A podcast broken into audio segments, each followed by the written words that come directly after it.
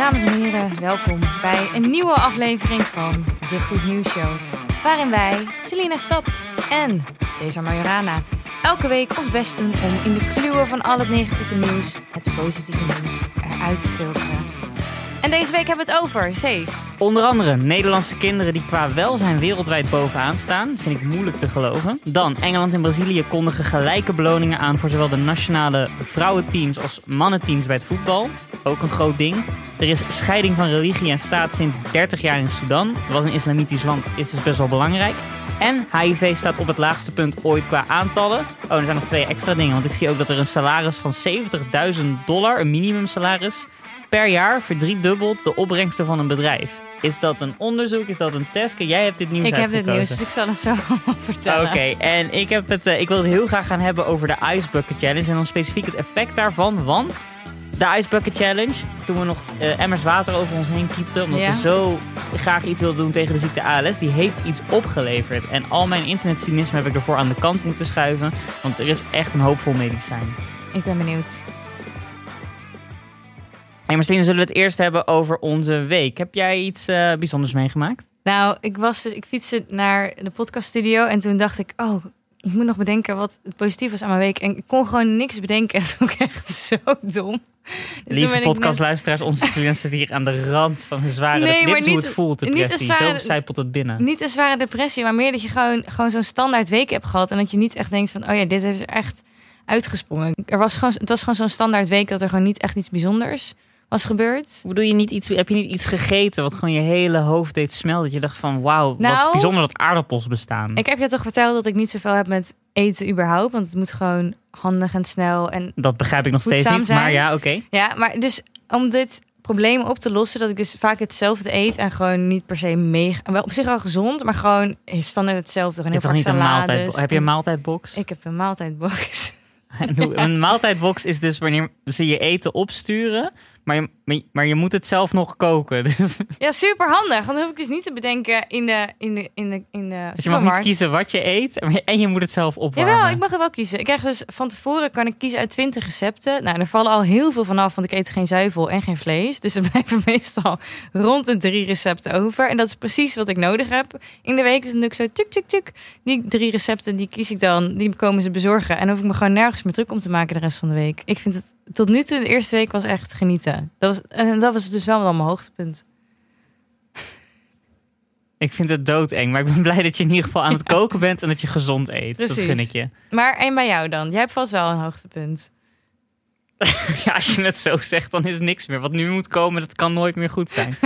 mijn, eh, nou, mijn hoogtepunt is wel dat ik deze week door een eh, filmjournalist eh, en ex-collega van mij, waar ik eerder een podcast mee heb gemaakt op het filmfestival in Rotterdam, die belde mij of ik in de jury wil zitten voor ehm, het Forum der Regisseurs op NFF. En het NFF is het Nederlands Filmfestival. Is een beetje het ondergeschoven lelijke kindje van de Nederlandse filmfestivals. Want NFF is alleen binnenlandse producties, alleen Nederlandse films. En het zijn, eh, ja, dat zijn niet elk jaar, is dat niet een denderende lijst. Dus het is een festival wat heel erg zijn best moet doen om het een beetje leuk te maken. En een van die manieren waarop ze dus heel goed hun best doen, is dat ze het Forum voor Regisseurs hebben, wat wat serieuzere tak is binnen het NFF. En daar zie je gewoon snoeigoede dingen. Echt dingen die ik altijd te gek vind. En dat ik nu in de jury mag zitten en dat ik mag kiezen wie de winnaar is dit jaar. Ik vind het een heel, ik heb er heel veel zin in. Dit is echt zoveel beter hoogtepunt dan mijn maaltijdbox. arm, arm kind. Wat ik ben. Kom, we gaan door naar het eh, korte nieuws.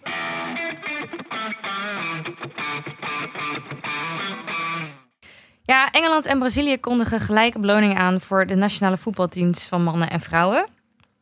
Ik zag dit nieuwtje en eh, het is zo dat Engeland dit al sinds januari doet en Brazilië is het echt pas net aangekondigd. Maar daardoor is dat nieuws weer eventjes ja, omhoog gekomen. Van Engeland is daar ook sinds kort mee begonnen. En ook Australië, Noorwegen en Nieuw-Zeeland hebben nu eh, equal pay voor de beide nationale voetbalteams, mannen en vrouwen. In Nederland is volgens mij nog niet. Nee, volgens mij is dat in Nederland sowieso niet. Nee, ik weet dus ook het- al in Nederland, als het zou gebeuren, dan zouden we drie weken lang een zieke mediarel hebben. Er zou één iemand zou moeten vallen. Er gaat sowieso een sportcommentator iets verkeerd zeggen en die moet dan gecanceld worden. In Nederland zou dit echt alles op stel te Dat zetten. staat toch nergens op dat wij als zo'n progressief land dat dus nog niet hebben? Ja, Dat is, het dat zal je verbazen hoe niet progressief wij dus ook eigenlijk als land zijn. Ja. ja, totdat je het vergelijkt met landen als... Want Brazilië bijvoorbeeld wel, ik zou, ik zou, en ik ben Latijns-Amerikaans, ik heb mijn idee van alle Brazilianen die ik ontmoet, is dat het een veel meer een macho cultuur is. Ja. En macho cultuur link ik ook meteen aan meer seksisme. Mhm. Maar ze doen wel dit. ja, daar kunnen wij nog een puntje aan zuigen. Precies zo. Ik, eh, ik, ja, ik wil dat je eigenlijk dat andere nieuwtje over Nederlandse kinderen, want dat sluit hierop aan. Nederlandse kinderen, die staan dus qua welzijn wereldwijd bovenaan. Dat moet je me echt uitleggen. Oké, UNICEF heeft een eh, onderzoek verricht naar ja, de wel, het welzijn van kinderen. Ehm, en dan hebben ze gekeken naar de 41 meest welvarende landen. Ik weet eigenlijk niet waarom ze naar die landen specifiek hebben gekeken, maar daar hebben ze naar gekeken. In dit onderzoek in ieder geval. Nee, je hebt gewoon de Champions League en je hebt de Jupiler League, toch? Het is gewoon qua levels van welvaart. Ik snap dat wel. Qua landen. Ja, en ze hebben dus gekeken naar verschillende factoren zoals scholing, gezondheid, obesitas, schermtijd, kindersterfte, pesten. Ehm, en de mate waarin jongeren erin slagen snel nieuwe vrienden te maken. Specifiek thema vond ik dat, maar oké, snap ik. Mhm. Ehm, en daar zijn we dus als Nederland van al die 41 welvarende landen nummer 1. Yay! Ken jij Nederlandse kinderen? Ken je er veel? Ken ik Nederlandse kinderen? Ik ben toch, tuurlijk ken ik Nederlandse kinderen. En, en denk jij ook dat dit, dit is het? Dit is het summum van welvarendheid en van geluk? Nee, dat denk ik niet eerlijk gezegd. Ik vraag me, hoe, hoe ruk is het dan om vrienden te maken als je Fins bent? Of zo? Ik kan me niet voorstellen dat wij nou nou, echt... ik moet zeggen, eh, Denemarken, Noorwegen, Zwitserland en Finland zijn, staan net onder ons. Dus die scoren op een paar punten dan net ietsje minder, maar het is eigenlijk een beetje in dezelfde, in dezelfde league. Dus wij zijn als Nederland, we mogen, we klagen veel, maar feitelijk gezien, onderzoek wijst uit dat we dus eigenlijk daar niet zoveel recht op hebben. Want dat we voor de kinderen in ieder geval op nummer 1 staan in de wereld. En als de kinderen blij zijn, dan mogen de volwassenen ook een beetje blij zijn. Ik wil het even hebben over onze globale HIV- en AIDS-statistieken. Want ehm, de Verenigde Naties heeft daar, eh, doet de UN AIDS-rapport. En die is uit voor dit jaar. Het 2020 Fact Sheet is online. Ehm, je kan natuurlijk ook het hele rapport gaan lezen. Maar ik ging het fact sheet doornemen. En het, het is niet super groot wereldnieuws. Maar er zijn dingen aan het veranderen wat betreft HIV wereldwijd. Namelijk, er zijn steeds minder mensen die moeten leven met HIV. Sterker nog, sinds 1993 hebben we nog nooit zo'n dieptepunt gezien als we inmiddels hebben opgebouwd. Dus het gaat echt heel goed. En heel goed is in HIV-AIDS-termen eigenlijk eh, ja, nog steeds wel afschuwelijk. Want er zijn in 2019 bijvoorbeeld 38 miljoen mensen die leven met HIV. En dat zijn dan 36,2 miljoen volwassenen. En het feitje waar ik dan het meeste van schrok is dat 7,1 miljoen mensen niet weten dat ze leven met HIV. Op de wereld. Ja, Holy shit, ja. afschuwelijk. En gevaarlijk. Want dan kan je natuurlijk ook Want zo hou je de cyclus in stand en je geeft het door. Inderdaad. Ehm 67% van alle mensen die met HIV leven, die, hebben, eh, die zijn bezig met treatments. Dus die zijn, dat, die zijn iets aan het doen om het in ieder geval te verlangzamen of ermee te kunnen leven. En dat kan gelukkig ook heel goed met de medicijnen die op de markt zijn. Ehm, maar belangrijkste nieuws, en dit mag je echt onthouden als je deze week ingaat. Nieuwe HIV-infecties zijn met 40% gereduceerd sinds de piek in 1998. En ik denk, en dat is voorlopig een beetje positiviteit, maar ik denk ook als HIV-AIDS wereldwijd steeds meer onder controle gebracht wordt, dan kunnen we ook langzaam aan van het stigma af wat er bijvoorbeeld omheen hangt. En dan gaan we echt toe naar een betere wereld. Want ook wat er nog steeds is, en ik denk nu aan die 7,1 miljoen mensen die niet eens weten dat ze HIV hebben, die komen erachter, hun leven barst ineen terwijl met HIV-AIDS is. En ik ben natuurlijk, ik kan er niet alles over zeggen, maar eh, eh, het is een ziekte waar je oud mee kan worden inmiddels. Eh, we zijn hard op weg om die ziekte uit te roeien, ooit op een gegeven moment. En het krijgen zou niet zo'n stigma moeten hebben als het nu heeft. Het is nog steeds zo in zoveel landen dat mensen hun familie niet meer spreken, hun vrienden niet meer spreken. Dat ze er met een soort grote boog om je heen lopen omdat je HIV-AIDS hebt. Ja, en, wat bizar is, want nu de medicijnen zijn zo goed nu. Het wordt dus bijna een soort van chronische ziekte waarin je dan gewoon veel pillen moet nemen, maar waar je niet meer echt, echt mega ziek Nee, van wordt. En je hebt zoals eh. ALS, waar ik het straks over wil hebben. Nee, niet zoals ALS. Maar en je hebt natuurlijk PrEP nu. Ja. dat is misschien goed nog om te highlighten. Amsterdam is als uh, hoofdstad van Nederland ook de plek waar HIV nog best wel wat voorkomt. Er zijn ongeveer 300 mensen naar schatting die in Amsterdam rondlopen die onbewust AIDS hebben. Of HIV hebben, excuus, groot verschil. Ja. Um, maar ja, mensen met een HIV-infectie die, niet, uh, die niet wordt behandeld, die dragen het virus over. Dus dat is het grootste risico. Mensen die het hebben, die weten dat ze het hebben, kunnen het andere mensen vertellen. En in Amsterdam is een campagne van het AIDS-fonds die zegt Nederland naar nul. En die zegt wel van er is een, inmiddels een trendbreuk gaande. Ook in Nederland gaat het beter. Ja. Maar het gaat wereldwijd beter, dat weet je nu. 40% minder, ja, top. Dan had jij nog een nieuwtje over de scheiding van religie en staat in Sudan.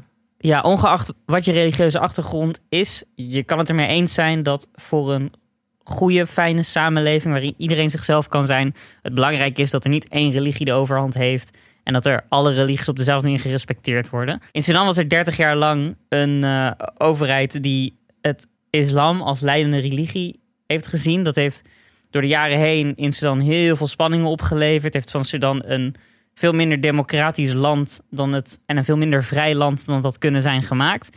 En dat is nu, na 30 jaar, dankzij een tijdelijke transitieoverheid, is er overeengekomen dat ze religie van de staat los gaan koppelen. En dat is, een, ja, dat is groot nieuws. Dat is voor de Soedanese mensen is dat echt weer een uh, stap in de goede richting. Het gaat de goede kant op met Sudan.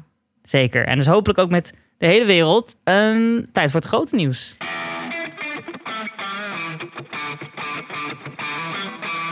Het grote nieuws. Ja, jij was natuurlijk, jij snapte de, de kop niet helemaal van wat is, wat heb je? Wat is hier aan de hand? Ja, nou, ik kwam een artikel tegen. Um, het gaat over Dan Price. Dan Price is een uh, Amerikaan die uh, uh, zijn eigen bedrijf heeft, een eigen bedrijf heeft, Gravity Payments. Dat is eigenlijk een soort betaal, online betaalmiddel voor um, transacties. En um, Dan Price die heeft in 2015 besloten dat al het personeel van zijn Gravity Payments het minimumsalaris van hun allemaal is 70.000 dollar per jaar. Dat is uh, uitrekend ongeveer 5800 dollar per maand. Dat is een goed salaris. Dat zou in Nederland ook echt een heel goed um, salaris zijn. En, maar om dit te bereiken, om dit te bewerkstelligen voor alle 120 werknemers, moest hij zelf een vermindering van salaris incasseren van 1 miljoen dollar.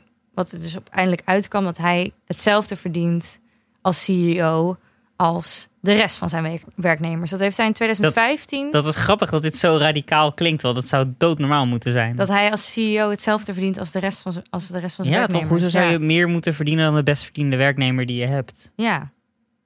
Maar hij kwam op het idee, dus in 2015, en dat kwam na een gesprek met een vriendin uh, van hem. Um, hij woont in Seattle. Het bedrijf is ook gevestigd, hoofdkantoor in Seattle. En hij was met haar daar aan het rondlopen in 2015. En zij vertelde over haar geldproblemen. Ze verdiende 40.000 dollar per jaar. Dat is dus 3300 dollar per maand. Maar in de dure stad als Seattle kon ze maar net uh, de huur betalen. Moest ze nog uh, twee baantjes uh, nemen waarin ze 50 uur per week werkte. Dit is inderdaad, dit is de echte American Dream. Dat... Dit is wat Amerikanen overkomt die gewoon in een normale grote stad willen wonen. Ja, precies. En hij, hij was van mening van dat na dat gesprek met haar en hoe ze vertelde over de stress die ze ervaarde door die geldproblemen en hoe moeilijk ze het had. Ook al is het natuurlijk niet dakloos of zo, maar het is gewoon veel stress als je elke maand maar moet zien rond te komen met net genoeg. En toen besloot hij, waarom is de wereld eigenlijk zo oneerlijk verdeeld? En kan ik daar als CEO van mijn eigen bedrijf daar misschien verandering in brengen? Nou, dat heeft hij dus in 2015 besloten. Toen heeft hij dat, uh, die 70.000 dollar per jaar minimumloon ingevoerd voor al zijn werknemers van zijn bedrijf. En nu, dus uh, vijf jaar later, plukt hij daar de vruchten van. Want wat heeft dat bedrijf, um, hoe is dat bedrijf nu veranderd? De winst van het bedrijf is omhoog gegaan met, uh, is drie keer zoveel geworden nu dan wat het vroeger was. Dus hij is met drie, drie keer zoveel vermenigvuldigd. Maar dat is niet het enige wat hij belangrijk vindt. Want hij vindt de winst die zoveel vermenigvuldigd is natuurlijk super fijn voor zijn bedrijf. Maar wat ook bijzonder is om te merken, is dat het leven van die werknemers zoveel positiever is geworden. En zij dat ook weer uitdragen naar anderen. Dus bijvoorbeeld het aantal huiseigenaren is verhoogd keer 10. Dus vroeger in 2015 zijn nu 10 keer meer werknemers kunnen hun eigen huis uh, betalen. Uh, 70% van zijn werknemers konden hun schulden afbetalen. Uh, en het aantal werknemers dat kinderen heeft genomen is ook met 10 vermenigvuldigd.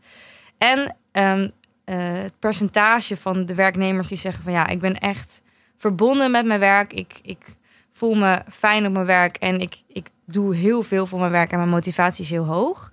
Um, dat is 76 procent. En in uh, heel Amerika is dat um, rond de 38 procent die dat op die manier ervaart. Dus dat is ook het dubbele eigenlijk. Ja, die motivatie voor het werk dan wat in de rest van Amerika hebben. Um, en dat is natuurlijk heel goed nieuws. En hij hoopt eigenlijk dus dat hij nu laat zien, na die vijf jaar dat hij dit dus doet, dat andere bedrijven dit ook zouden gaan doen. Want hij zegt, ja, waarom maken we een Forbes-list met de rijkste mannen ter wereld en vinden we dat goed om te weten? Weet je, waarom horen we over de Bill Gates van deze wereld en de Jeff Bezos, die maar rijker en rijker en rijker worden? En waarom gaat het niet over um, ja, het, de gedeeldheid van die wel, welvaart en hoe we dat kunnen vermenigvuldigen en hoe we daarom ook de samenleving um, positiever kunnen maken?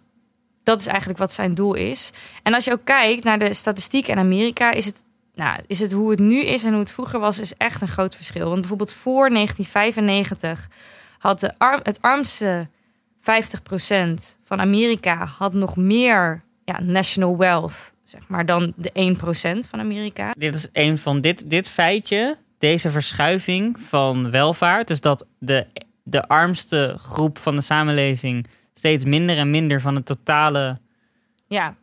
Ik zet, ik zet kapitaal in het land in handen heeft. Dit, is, dit heeft de Occupy Movement is het begonnen. Dit heeft zoveel protest veroorzaakt. Daar gebeurt te weinig nog steeds tegen, want het, blijft groeien. Deze gap tussen de top 1% en de 99% die het gewoon moet doen met de restjes daarvan.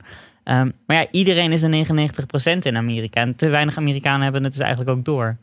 Ja, en wat bijvoorbeeld ook uh, een mooie statistiek is, is dat in 1965 CEO's in Amerika ongeveer 20 keer zoveel verdienden als een gemiddelde werknemer.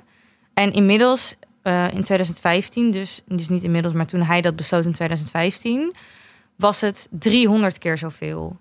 Dus een CEO verdient gemiddeld in Amerika 300 keer zoveel. Dus het grappige is ook wel applaudisseren voor deze, voor deze Silicon Valley entrepreneur Terwijl wat hij doet is dood normaal. Ja. Was ooit normaal. Ooit was het normaal. Ik weet ook dat Ben Jerry's... Heb je ooit van de Ben Jerry's policy gehad? Over een uh, salarissen. Ben Jerry's hebben ooit besloten dat de CEO's niet vijf keer zoveel mochten verdienen... als de goedkoopste werknemer van het bedrijf. Dat waren vaak de schoonmakers. En zij vonden, als wij vijf keer zoveel verdienen als iemand anders... dan is dat eigenlijk al te veel. Ah. En dit soort policies bestaan dus al jaren. Het is bij Ben Jerry's toen Ben Jerry's is overgekocht door Unilever niet in stand gehouden. Natuurlijk, dankjewel Unilever. Natuurlijk. Maar, um, maar ik, ik hoop dat meer van dit soort bedrijven volgen. Ik hoop dat meer van dit soort trends volgen. Nou, er zijn wel een aantal bedrijven in uh, Amerika die het zijn... Uh, die het een soort van hebben gevolgd. Dus een, een Pharmalogics, dat is een grote farmaceut, die heeft het minimumsalaris verhoogd naar 50.000 dollar per maand. Um, en nog een aantal bedrijven eh, in Amerika. Maar het is nog niet een soort van grote nieuwe movement geworden binnen CEO's en binnen grote bedrijven. En dat vindt hij zelf heel jammer, omdat hij nu ook kan laten zien met zijn cijfers van zijn bedrijf. Van ja, niet alleen uh, het leven van mijn werknemers is zoveel positiever geworden, maar ook onze winst is verdriedubbeld. Maar alsnog, ja, degene die dus die keuze zouden moeten maken om dat geld in te leveren en beter te verdelen, ja, dat zijn toch de mensen die dat dus, dus niet beslissen om, om het voor zichzelf uh, te houden. Dus dat is het enige jammer dat er niet in zo'n grote movement is doorgevoerd. Maar het feit dat hij hij zoekt heel erg de media mee op. Uh, sinds hij dus nu die cijfers heeft, toen hij dat besloot in 2015, dachten mensen, nou, dit wordt sowieso niks. En nu, vijf jaar later, is het zo'n ja, positief um, nieuwsbericht geworden dat je ziet wel steeds meer bedrijven het oppikken. Dus ik hoop dat uiteindelijk, misschien langzaam, maar dat het wel een movement wordt. Want eigenlijk klinkt het natuurlijk heel logisch. Meer dan logisch.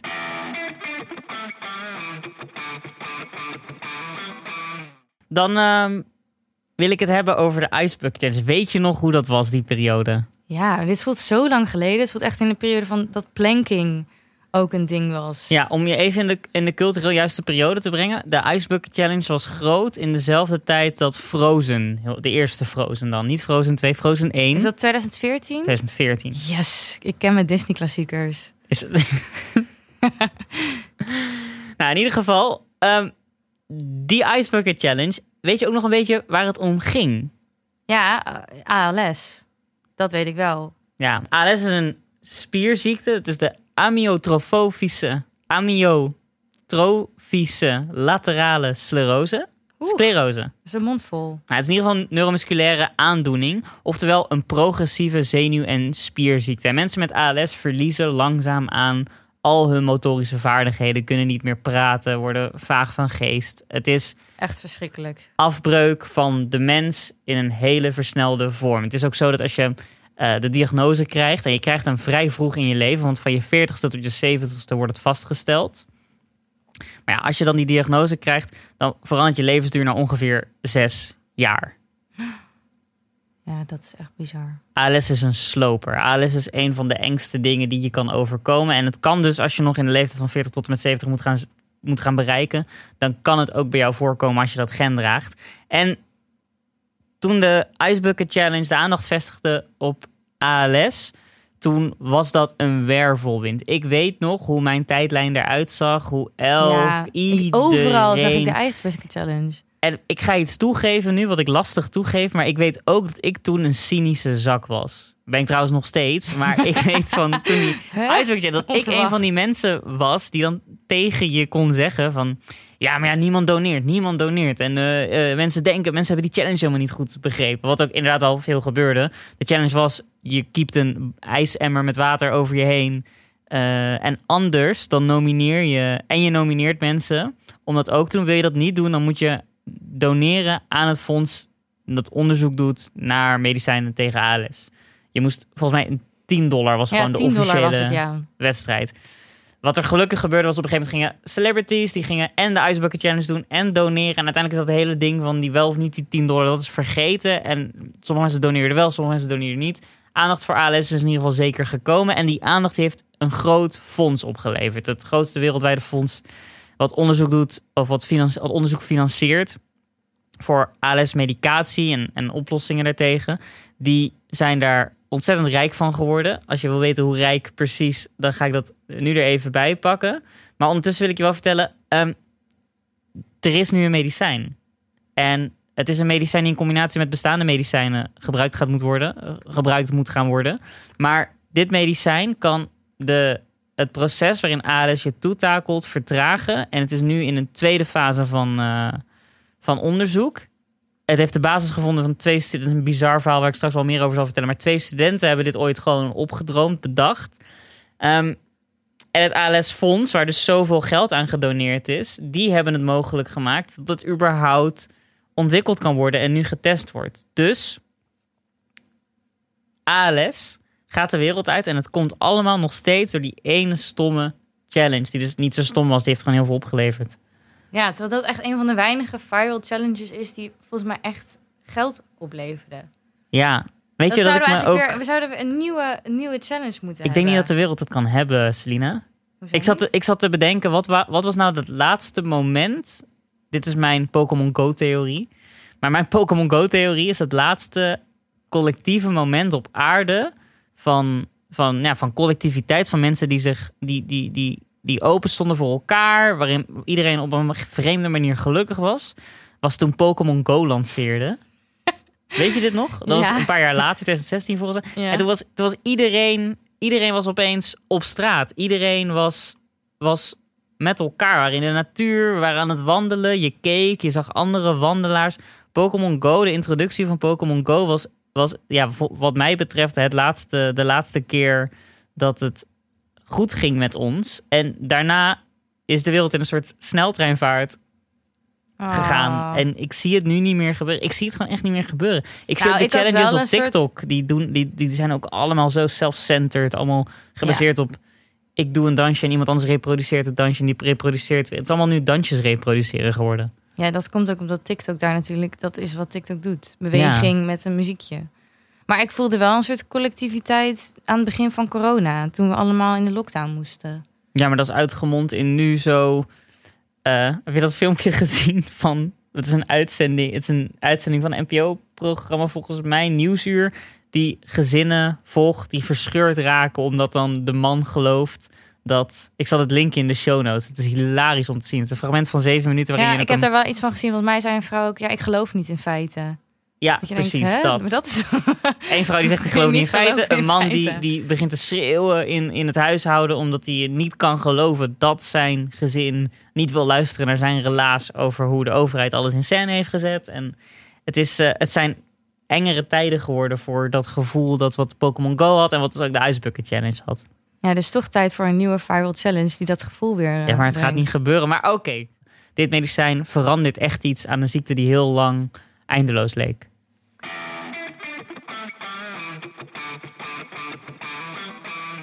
Mijn favoriete rubriek, namelijk Maar wat doe jij dan? Waarin we de antwoord geven op de vraag wat wij, als we hier dan toch zo zitten te gieren en te brullen over goed nieuws, zelf doen om de wereld een beetje een mooiere plek te maken. Ja. Nou, ik, eh, ik heb dus vandaag... Ik, ja, ik heb deze keer iets gedaan. Je hebt iets gedaan. En niet vandaag, maar ik heb deze keer iets gedaan. En ik heb gedemonstreerd.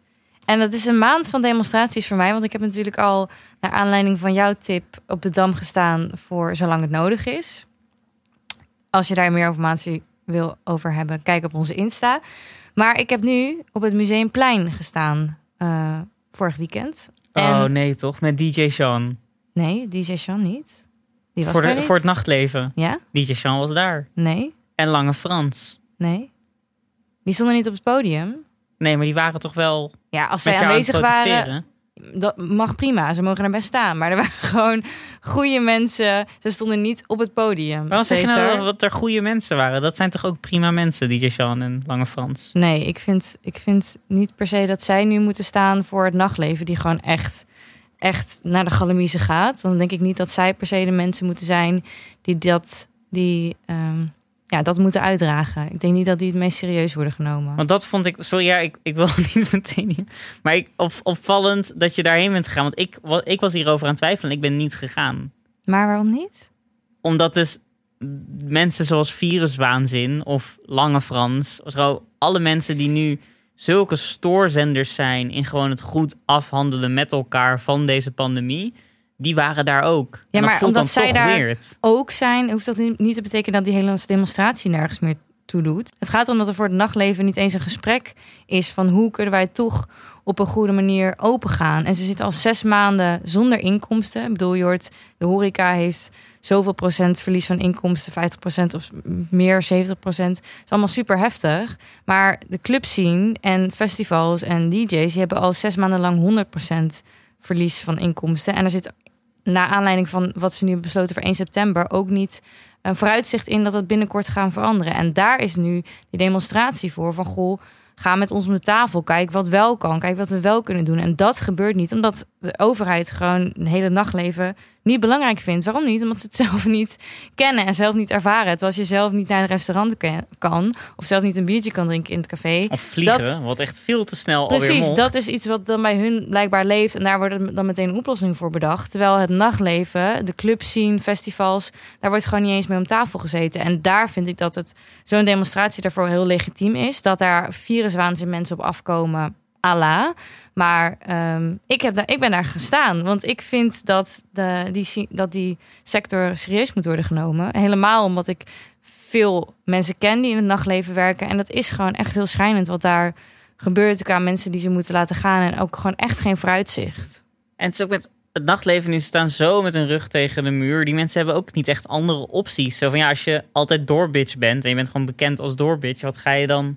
Wordt wel echt flink bijbenen om een andere baan te vinden. Je bent niet geschoold verder. Je bent Nou ja, en bijvoorbeeld DJ's of uh, technici, uh, geluidstechnici, lichttechnici, barpersoneel in de, in de club zien. Het, is, het zijn echt veel meer mensen dan alleen een club-eigenaar die hier uh, onder lijden. En ik vind dat, dat die sector serieus moet worden genomen. En op zijn minst met hun moet worden gepraat van wat wel kan. Dus daarom, wat mijn goede daad was, was dat ik daar dus wel stond op de Dam niet bij Lange Frans en DJ Jean. Als ze er ook stonden. Lange Frans. Heb je dat gezien? Had een filmpje dat die mensen ging knuffelen waar die hem met hem op de foto Ja, nou ja, vet voor hem. Ik ben wel klaar met Lange Frans. Ik vind dat we hem ook niet meer screentijd moeten geven of luistertijd in onze podcast. klaar ermee. Maar hoe, hoe zit het? Was het? Ging het wel coronatechnisch? bedoel, op de dam staan in je eentje is makkelijk. Maar coronatechnisch, hoe was het om met een grote meute mensen weer bij elkaar te staan? Ja, het was op Museumplein. Museumplein. Uh, er stonden allemaal stippen. Er waren 6000 stippen neergezet in de, met, ja, met een spuit met anderhalve meter afstand. En je moest elke keer, zei de um, ehm, MC ook van... oké, iedereen moet weer naar zijn stip. Ik moet wel zeggen dat niet iedereen zich daaraan hield... maar heel veel mensen ook wel. En heel veel mensen liepen ook met een mondkapje. En er zijn altijd bij elke demonstratie wel mensen... die zich niet aan die anderhalve meter regel houden. Ja, maar die zijn er ook in elke supermarkt. Precies. Dus uh, ik vond dat er goed, uh, goed rekening mee was Oh, je bent, maar dit is gewoon het jaar waarin jij activist wordt.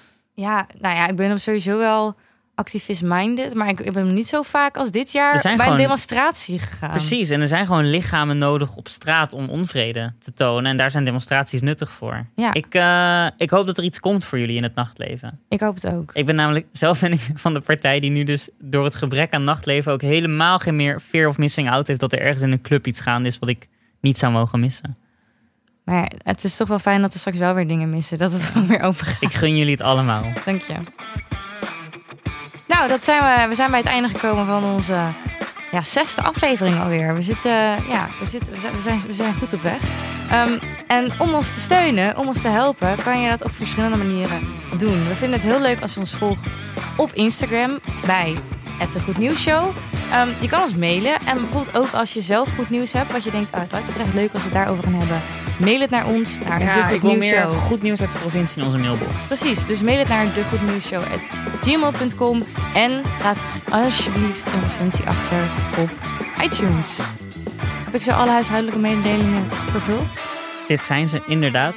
En ik wil jullie bedanken voor het luisteren. Tot de volgende.